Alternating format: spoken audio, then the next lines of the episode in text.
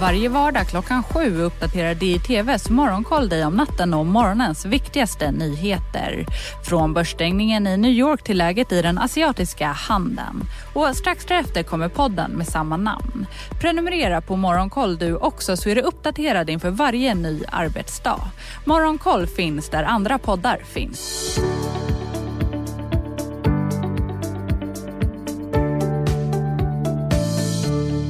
Välkomna till ett nytt avsnitt av Smarta pengar, en podd om privatekonomi från Dagens Industri med mig Jenny Pettersson och min kollega Hans Bolander. Hej Hans, hur är läget med dig? Det är bra tack. Det är, det är fint väder ute och mycket snö, det är härligt. Ja. Ljusare börjar det bli. Precis, det är eh, vintersportarnas högtid verkligen. Ja. Du, idag så ska vi prata om sparande på lång sikt och eh, man, eller, eller vi, säger att man bör ha aktier eller aktiefonder i sitt långsiktiga sparande eftersom det då historiskt har gett bäst avkastning. Eh, men ibland är det bra att dyka lite djupare i det här och titta på hur stor skillnad det är mellan olika tillgångsslag. För vi pratar ju ofta om aktiefonder, aktier kontra räntesparande, men det finns ju också andra saker man kan spara i och hur har det gått för det? Eh, så att Hans, du har ju tagit del av en genomgång som Handelsbanken har gjort. Kan du säga lite vad den visar? Ja, de har tittat på tio olika tillgångsslag. Allt från några olika typer av aktiegrupper, globala aktier, svenska aktier och lite andra smalare aktier, till även råvaror och hedgefonder och räntor. Och så har de tittat över tio år mätt vad har det här gett varje enskilt år de senaste tio åren, också vad är tioårssnittet? Och det tycker jag är ändå lite intressant att det utkristalliserar sig klara vinnare och förlorare över de här tio åren. Klara mm. vinnare är aktier faktiskt. Det, det, var inte oväntat. Nej, det var inte oväntat. Men hur, hur ser siffrorna ut då? Vad... Ja, men det är så att eh, aktier, det som vi brukar ju ofta prata om att en bra bas är en, en global fond till mm. exempel. Då. Och då kan man säga att ett globalt index har gett 12 procent ungefär i snitt per år. 12,5 vilket ju är väldigt bra som genomsnitt. Det har bara slagits av några smala grupp, aktiegrupper Eh, global teknologi, där har vi hela en stor del av USA-börsen. De, här, de väger så mycket, alla de här Alphabet och... De här fangbolagen och så. Ja, precis. exakt. Ja. Teknikaktierna där. Och... Men vi har även sett de svenska teknikfonderna rusat Exakt, mycket. ja, ja. och här finns ju mm. även bolag med som Ericsson och sånt också som är teknikaktier. Mm. Global, det, det har gett 19 procent om året i snitt efter några fantastiska kursrusningar de senaste åren. Skulle jag säga. Men sen kommer fastighetsaktier väldigt högt, 17 procent om året i snitt. Och småbolag, svenska småbolagsaktier kommer också högt, eh, 16 procent i snitt. Men där, där, där är ju risken högre. Där är det ju risk för, till exempel fastighetsaktier backade ju i fjol med 2 procent ungefär. Mm, precis. Vad tänker du när du ser de här? Liksom? Nej, men eh, det är som du säger, risken är hög då i vissa kategorier så det är ju viktigt att ha ett brett sparande. Men vi brukar ju prata om att man kan krydda sitt fondsparande med de här nischfonderna då och det har ju varit en bra affär på, på de senaste tio åren eh, att göra det med teknikaktier och fastigheter bland annat. Då. Eh, så det är inte, och småbolag brukar vi också framhålla att, man, eh, att det är bra att ha ja. i portföljen. Så att, eh, det visar ju att det, det är någonting som eh, funkar över tid. Men sen ska man ju säga att vi har ju haft väldigt, väldigt starka börsår bakom oss. Så det finns ju inga garantier för att avkastningen kommer ligga på precis de här nivåerna längre fram. Nej. Men såklart. Men, men det man ser historiskt är ju, eh, ja, som vi återkommer, liksom, att aktier är oöverträffat om man har ett långsiktigt sparande. För vilka är förlorarna i detta då, Hans? Ja, en som, som inte är jättemycket förlorare, men ändå relativt sett jag blev förvånad att tillväxtmarknadsaktier hade gått så pass dåligt, 5,7 procent om året i snitt. Eh, per år under de senaste tio åren. Jag tror att 90-talet framförallt var mycket bättre för tillväxtmarknader. De har ju tagit mycket stryk ibland. När det, när det, när det skakar till sig på världsmarknaden så skakar det ofta till ännu mer där. För då flyr liksom riskkapitalet från tillväxtmarknaden. Jag tror att det är en nyckelfaktor. Eh, men eh, då 5,7 procent om året är ju inte jättedåligt. Inte om det jämför med räntor som har varit en katastrof. Korta räntor, det vill säga penningmarknadsfonder och liknande, har gett 0,1 procent om året i snitt de senaste tio åren obligationer då som ofta är en bas i stora pensionsportföljer och för många man vill ta ner risken har gett 2,7 procent om året i snitt. Det är ju inte jättedåligt men inte så himla mycket mer än vad inflationen har varit. Nej, men att det ändå har gett så pass, för man tänker de långa räntorna har ju inte heller varit höga de senaste åren. Är inte en liten förklaring där företagsobligationer som kommit in som ett större inslag i, de här, eh, i den här kategorin? Det, det, är det. Och vi kan inte förvänta oss ens 2,7 procent framöver tror jag. För att det, och den, obligationer har gett en del de senaste åren för att räntorna har fortsatt att komma ner mot nollpunkten och då, har, då blir det en sån teknisk sak att eh, obligationer värderas upp för att räntorna sjunker ytterligare. Mm. Men, men eh, det, en intressant spaning är ju hedgefonder som ska vara den tillgångslag som ska vara oberoende eh, börser och räntemarknader och ändå kunna ge en avkastning bättre än inflationen, men mer stabilt. Och där har en sån grupp gett 3,7 procent om året eh, senaste tio åren. Det är ju inte superbra, men det är inte heller eh, katastrofdåligt. Nej, men just inom hedgefonder finns det ju ofta väldigt stora variationer, ja. eh, ska man ju komma ihåg. Ja, ja verkligen. Så att, eh, där ska man nog gärna vara lite kunnig innan man väljer ut sin hedgefond eller läsa på en hel del. Ja, det håller jag verkligen med om. Och, och, man kanske ska ha två, tre olika hedgefonder och man ska verkligen se över de portföljerna minst en gång varje år med, om man ska ha hedgefonder i en portfölj. Mm. Precis.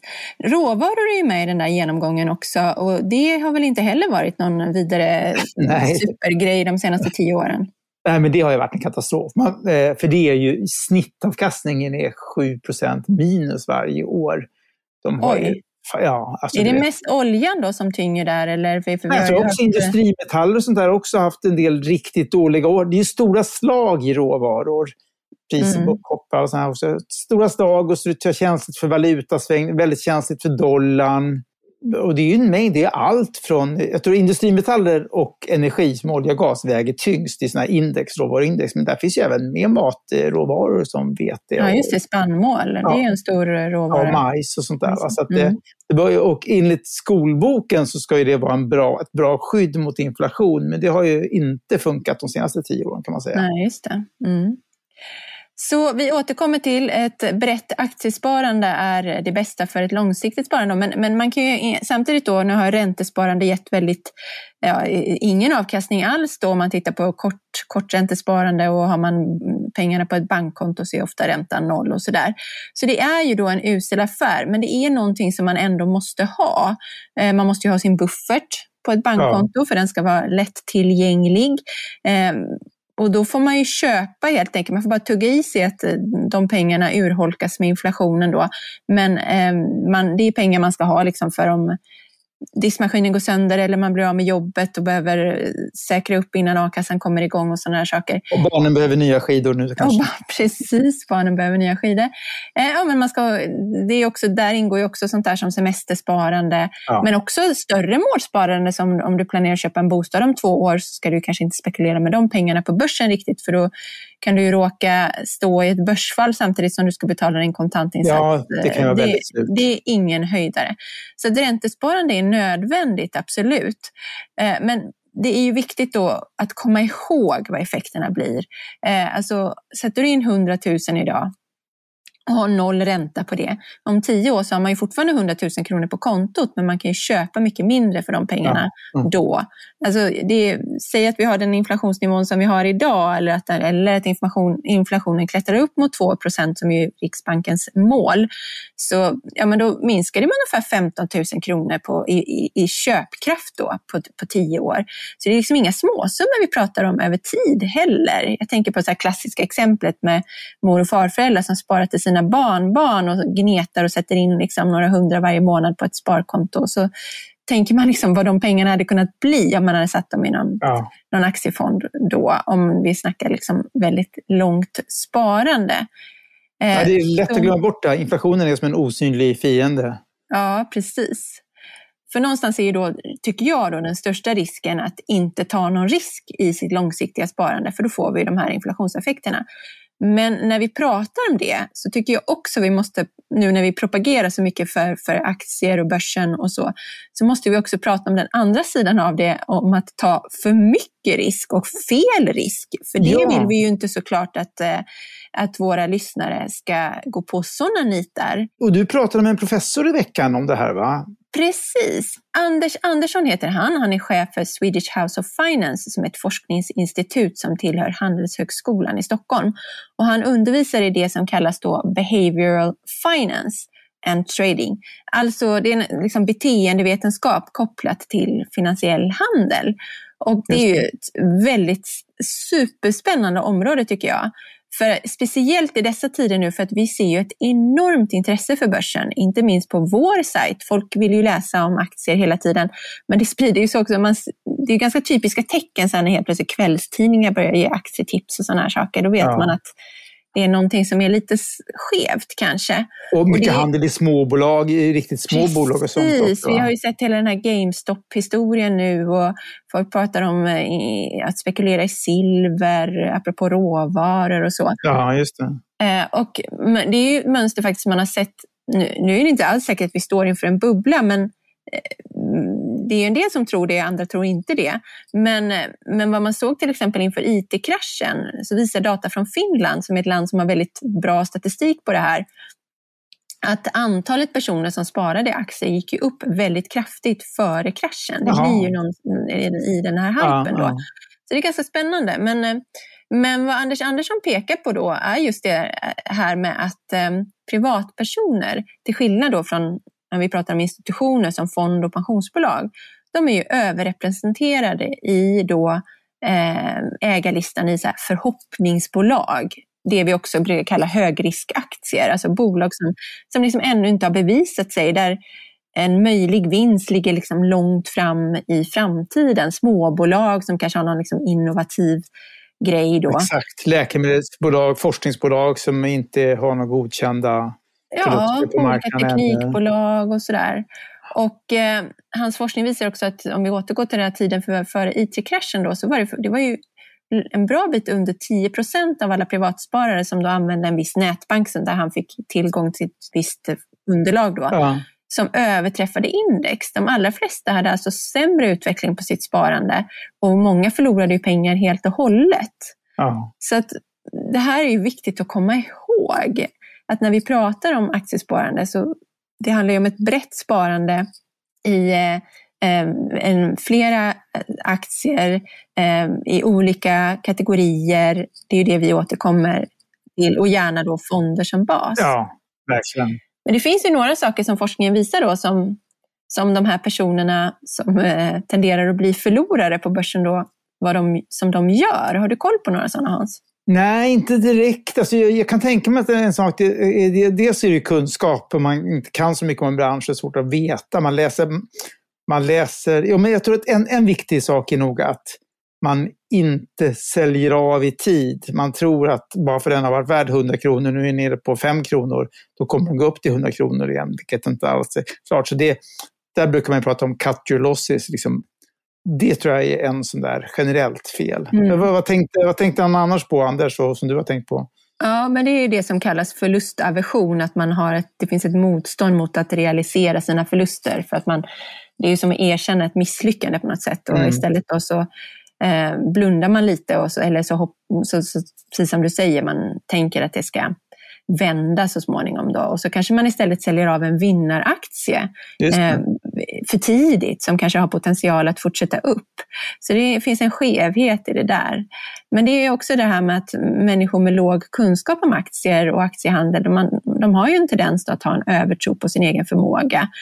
Samtidigt i kombination då med att man väljer aktier utifrån eh, ett väldigt selektivt informationssökande det, det, finns något som kallas tillgänglighetsbias och det är till exempel att man, man väljer bland aktier som man har sett något inslag om på tv eller läst om i tidningarna och så.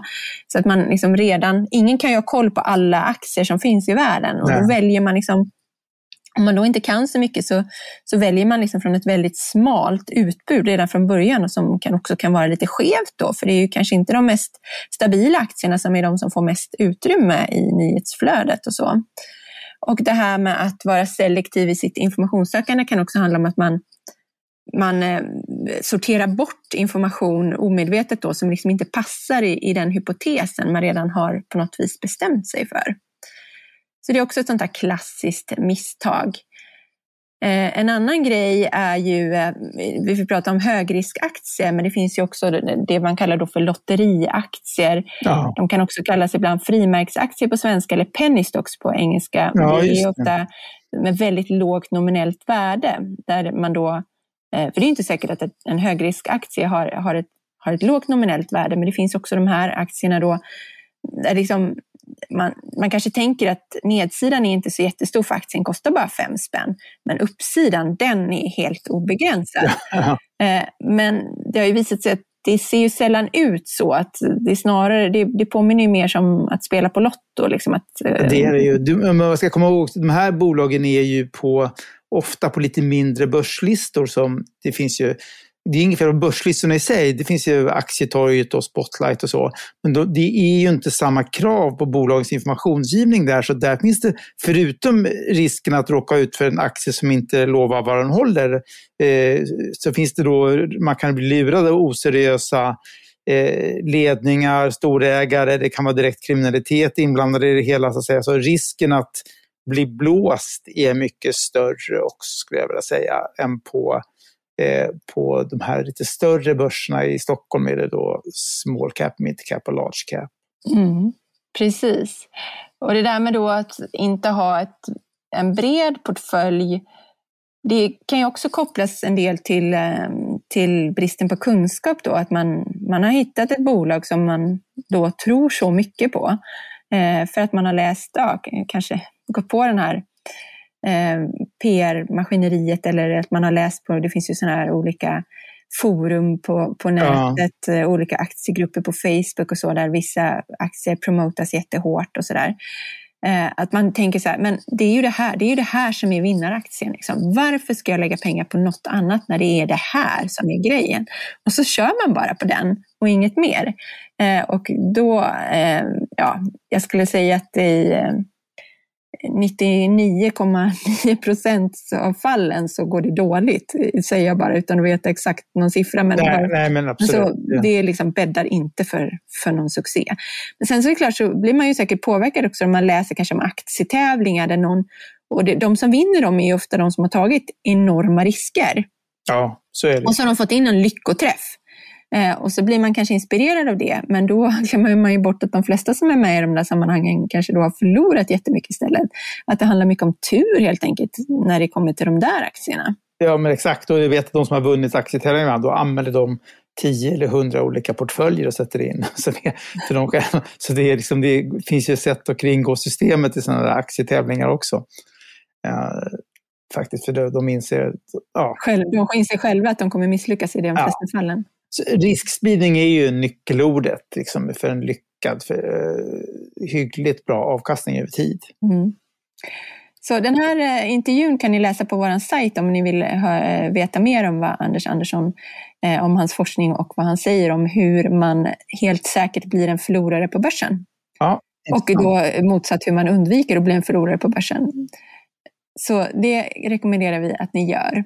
Men sammanfattningsvis, som du säger, sprida riskerna. Det är ju det. Vi propagerar för aktiesparande och aktiefondsparande, men, men då med den stora eh, delen att, att ha en bred portfölj. Ja, bra. Du Hans, när vi nu är inne på spartemat så kan vi snabbt nämna SEB och deras hållbarhetsfonder. För vi pratade i podden för några veckor sedan om att SEB kallar mängder av fonder för hållbara trots att de investerar i till exempel stora koldioxidutsläppare. Det är ju något som vår kollega Magnus Dagel har granskat och som vi också då eh, var kritiska till. Ja. Nu har SEB eh, sagt någonting. Vad är det de har sagt? Jo, nej, men de, har, eh, de har jobbat fram en ny hållbarhetspolicy kan man säga och en ny, nytt sätt att tänka kring det här. Eh, så de, de tar bort under, under kommande månader här så tar de bort ordet hållbarhet från, från de här speciella fonderna. Som, eh, och så säger de att nej, men eh, allt fondsparande i SEB ska vara hållbart oavsett om det är räntor eller aktier. Men de har också sagt, bara preciserat vad de menar med det. Så då säger de också att okej, okay, vi kommer inte äga aktier i sådana som producerar, tillverkar fossila bränslen. Det vill säga olja och gas. Då, så att säga. Det ska vi inte äga. Vi kommer fortsättningsvis äga bolag som är stora koldioxidutsläppare för deras eh, tanke är att cement och stål kommer vi eh, fortsätta att behöva. Men då ska vi investera bara i de bolag som har en klar och tydlig och seriös omställningsplan till hur man kan göra den här produktionen så, eh, med så små koldioxidutsläpp som möjligt. Det, eh, och sen så var det ytterligare en, eh, också att de kommer jobba ännu mer med att försöka aktivt påverka bolag generellt. Så de har blivit, jag tycker det, de ska ha cred för att de har blivit väldigt mycket tydligare om vad betyder det här ordet hållbarhet för dem. Och så tar de bort eh, ordet hållbarhet från de fonder de hade det för att de, de alla skärs över samma kan man så säga. Kan man säga att de har pudlat? Det kan man säga, för att de har ju liksom reagerat ordentligt och tagit bort det här som eh, vi kritiserade. Magnus Daglos gjorde det och även andra har också varit kritiska till det. Och det här kan man säga, det här är inte det enda fondbolaget som har eh, varit vag i sin, eh, hur de egentligen, de försöker sälja saker med ordet hållbarhet. Det är ju väldigt tydligt. Mm. Ja, för du sa att man ska ge dem cred, men jag tänker också att jag undrar vad som hade hänt om inte DI eller andra hade uppmärksammat det här. Då kanske de hade kört på. Ja, absolut. Så det här visar ju så att eh, man ska ju både kritisera och rösta med fötterna med saker som man reagerar mot när det gäller eh, fondsparande. Så att det, det är ju jättebra. Mm.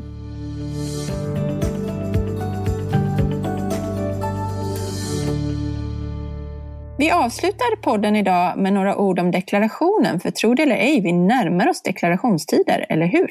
Ja, men så är det faktiskt. Och det kommer faktiskt en, en liten deadline redan nu på fredag.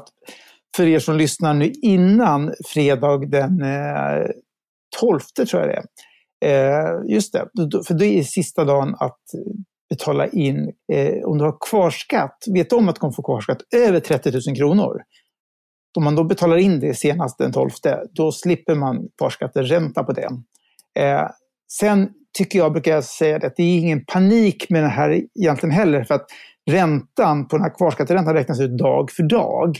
Eh, och så det är inte så att det blir någon jättestor summa. Och ett, ett exempel är om man skulle ha en kvarskatt på, man räknar fram att ungefär 60 000 har jag kvarskatt, sålt en bostad säger vi, eller gjort någonting annat. Ja, och då är 30 000 en gräns. Den behöver man inte, 30 000 behöver man inte betala för den 3 maj, sista deklarationsdagen. Men det resten eh, ska jag betala senast den 12 februari. Då. Men om jag missar det så är räntan en krona per dag. Så det är inga stora summor vi pratar om egentligen? Inga jättestora summor. Nej. Och sen därefter, om du inte betalar den 3 maj, så är räntan på det här 60 000 kronor då 2 kronor per dag. Eh, så det är inte heller en jättesumma.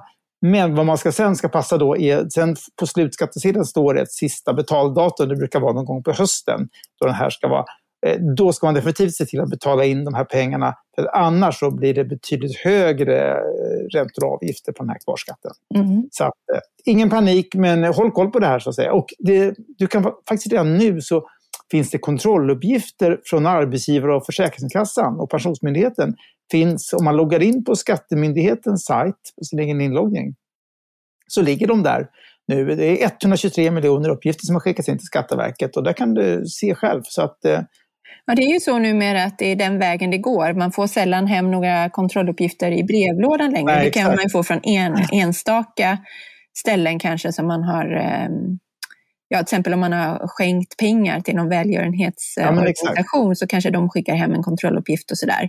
Men annars så är det ju väldigt mycket sånt som är eh, automatiserat och som finns hos Skattemyndigheten direkt nu. Det är ju, så det är ju smidigt på det sättet och vi brukar ju prata om att man bör kolla, alltid stämma av de där kontrolluppgifterna, för det blir ju alltid fel på några håll i dem. Det ska man verkligen göra. Och man ska också kolla, jag gick faktiskt in och kollade mina uppgifter bara eftersom jag skriver om det vill jag kolla att det fungerar. Och det, det, det fanns där och eh, Dagens Industris löneavdelning hade gjort rätt. Det var rätt. Ja. Lönerapporterat. Tryggt att veta. Ja, du, du, får ju gå in och ta fem minuter och logga in sen då igen och stämma av. Ja, jag, jag lovar, jag ska göra det. det är bra. Men jag ska säga att det är väl viktigt också att kolla såna räntor, för både låneräntor man har betalat, eh, så man får avdrag för dem och sånt. Det kommer ju från bankerna senare. Men det, det ser man ju först sen i den digitala deklarationen eller Man kan säkert gå in också på sin nätbank och kolla. Men eh, det, det, är lätt att kolla på. Men den digitala deklarationen den kommer ju sen i... Eh, det första dagen att deklarera digitalt är den 16 mars. Just det. Och så ska man anmäla sin digitala brevlåda i god tid också om man vill få ut pengar på ja, den. det ska man anmäla senast den 24 februari om du inte har en sån. Mm. Eh, så då, då ramlar deklarationen in där sen i slutet på februari, början på mars. Just det. Det kan ju vara bra att komma ihåg också för att om man har bytt bank under året. Eh, för då har man ju kanske anmält ett konto till Skatteverket som man, eh, där man vill ha utbetalat pengar om man ska få det. Eh, så att om man har bytt bank, kanske för att man har flyttat sitt bolån eller så, så måste man ju också uppdatera sådana uppgifter. Ja, just det. Precis. Det kan vara bra att komma ihåg. Ja, ja men det är jättebra. Brukar du deklarera tidigt, Jenny? Ja, jag brukar göra det faktiskt. Någon av de första dagarna. Jag tycker det är skönt. Ja. Något år glömde jag ja. bort det helt och hållet, så jag, jag tänker att det är lika bra att göra det med en gång. Ja, ja. Så. så du, du, fick en påminnelse av Skatteverket, eller kom du på det typ fem i tolv? Jag kom på det så här fem i tolv, verkligen. Ja. ja. Eh, men om man inte har några komplicerade affärer, eh, om man inte har sålt, eller, sålt bostad eller så, så är det ju lika bra att göra det med en gång, tycker jag. Ja, ja precis. Mm. Verkligen.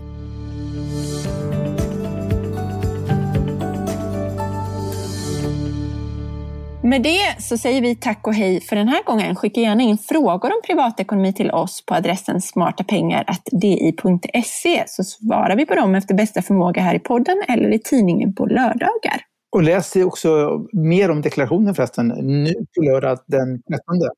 Ja, det kan man göra i tidningen, papperstidningen på lördag och även på nätet under helgen. Smarta pengar redigeras av Umami Produktion och ansvarig utgivare är Peter Fällman. I väntan på vårt nästa avsnitt som kommer om två veckor så kan ni lyssna på DIs andra poddar. Hans, du får eh, äran att räkna upp några av dem. Ja, som vanligt har vi då de eh, breda poddarna så att säga, som är i Analyspodden om eh, börs och marknader. Vi har Makrorådet om räntor och valutor och konjunktur. Eh, sen har vi de här dagliga eh, eh, med nyhetskollen. Vi har ju eh, mor en morgonpodd också som summerar morgonens nyheter. Vi har lite smalare poddar, eh, det är digital, digitala utveckling, digitala bolagen framförallt. Och sen har vi ju Förnuft och känsla med eh, intressanta näringslivs personer. Nu har jag säkert glömt några vi har, Jenny, men... Eh, ja, det får vara, det får vara så. Det finns ju på vår sajt också. De finns samling. på vår sajt helt enkelt. Där hittar ni allihopa. Så med det säger vi hej då! Hej då! På återhörande!